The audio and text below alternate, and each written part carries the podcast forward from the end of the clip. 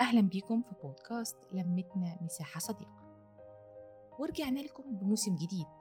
حلقاته مختلفة تماما عن أي حلقات قدمناها قبل كده. حلقاتنا الجديدة هي مخرجات الورشة التدريبية للبودكاست من الأقصر واللي شارك فيها السيدات المميزات المستفيدات من مشروع تحسين الظروف المعيشية لصغار المزارعين في مجال جمع الطماطم والتجفيف الشمسي. وتشرفت بتدريبهم أنا رشدي.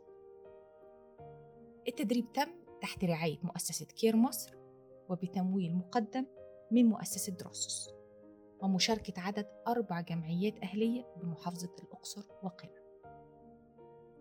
هؤلاء السيدات سجلوا حلقات مميزة جدا. يلا نسمع. أهلا بيكم في بودكاست الزواج مهم بس صحتك أهم. برعاية مؤسسة كير مصر للتنمية.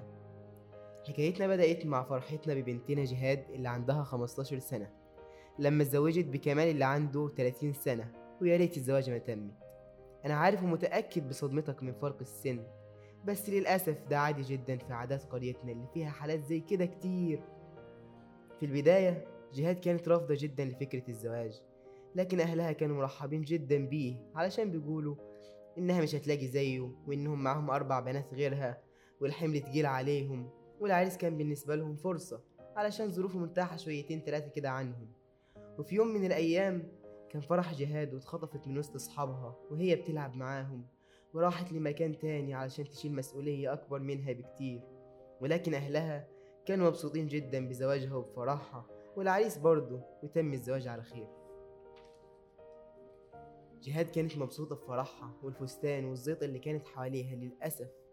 للأسف ما كانتش عارفة إنه اللي جاي عكس كده خالص. ودي فرحة مؤقتة وكان عليها ضغط كبير من حماتها وزوجها إنها ما عندهاش خبرة كافية.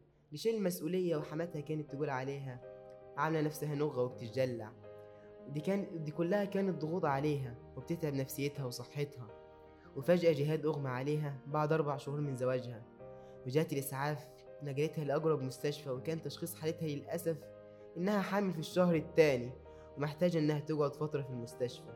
لكن باقي العيلة كانت الفرحة مش سايعاهم علشان هينور بيتهم مولود جديد وكلهم مستنيينه.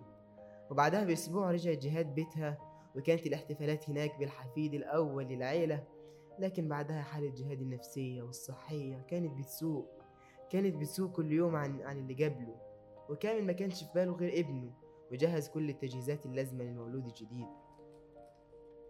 قبل الميعاد المحدد للولادة بشهرين كده جهاد تعبت جدا وكانت فاقدة الحركة والصوت ونبض قلبها ضعيف.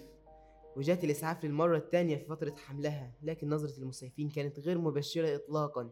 بعد ما وصلت جهاد للمستشفى قرر الدكاترة المختصين إنها لازم تولد حالا. وكده الطفل اتولد في الشهر السابع من الحمل وكانت التوقعات إنه هيكون طفل غير سليم كليا. ولكن اللي حصل غير كده خالص وللأسف الفرحة اللي كانت ليها سبع شهور في بيت العيلتين انتهت لما قال الدكتور البقاء لله. للأسف فقدنا الأم والطفل لحالتهم المتأخرة وصغر سنها. وللأسف عندنا حالات كتير زي جهاد بس محدش يعرفهم وعايشين حياتهم وصعوباتهم لوحدهم. يا ريت ندعمهم ونقف جنبهم. الزواج المبكر يؤدي إلى الوفاة. شكرا لاستماعكم لبودكاست الزواج مهم بس صحتك أهم. كان معكم عبد الرحمن أحيا وكانت معكم جهاد طه شكرا لاستماعكم للحلقة دي من لمتنا مساحة صديقة.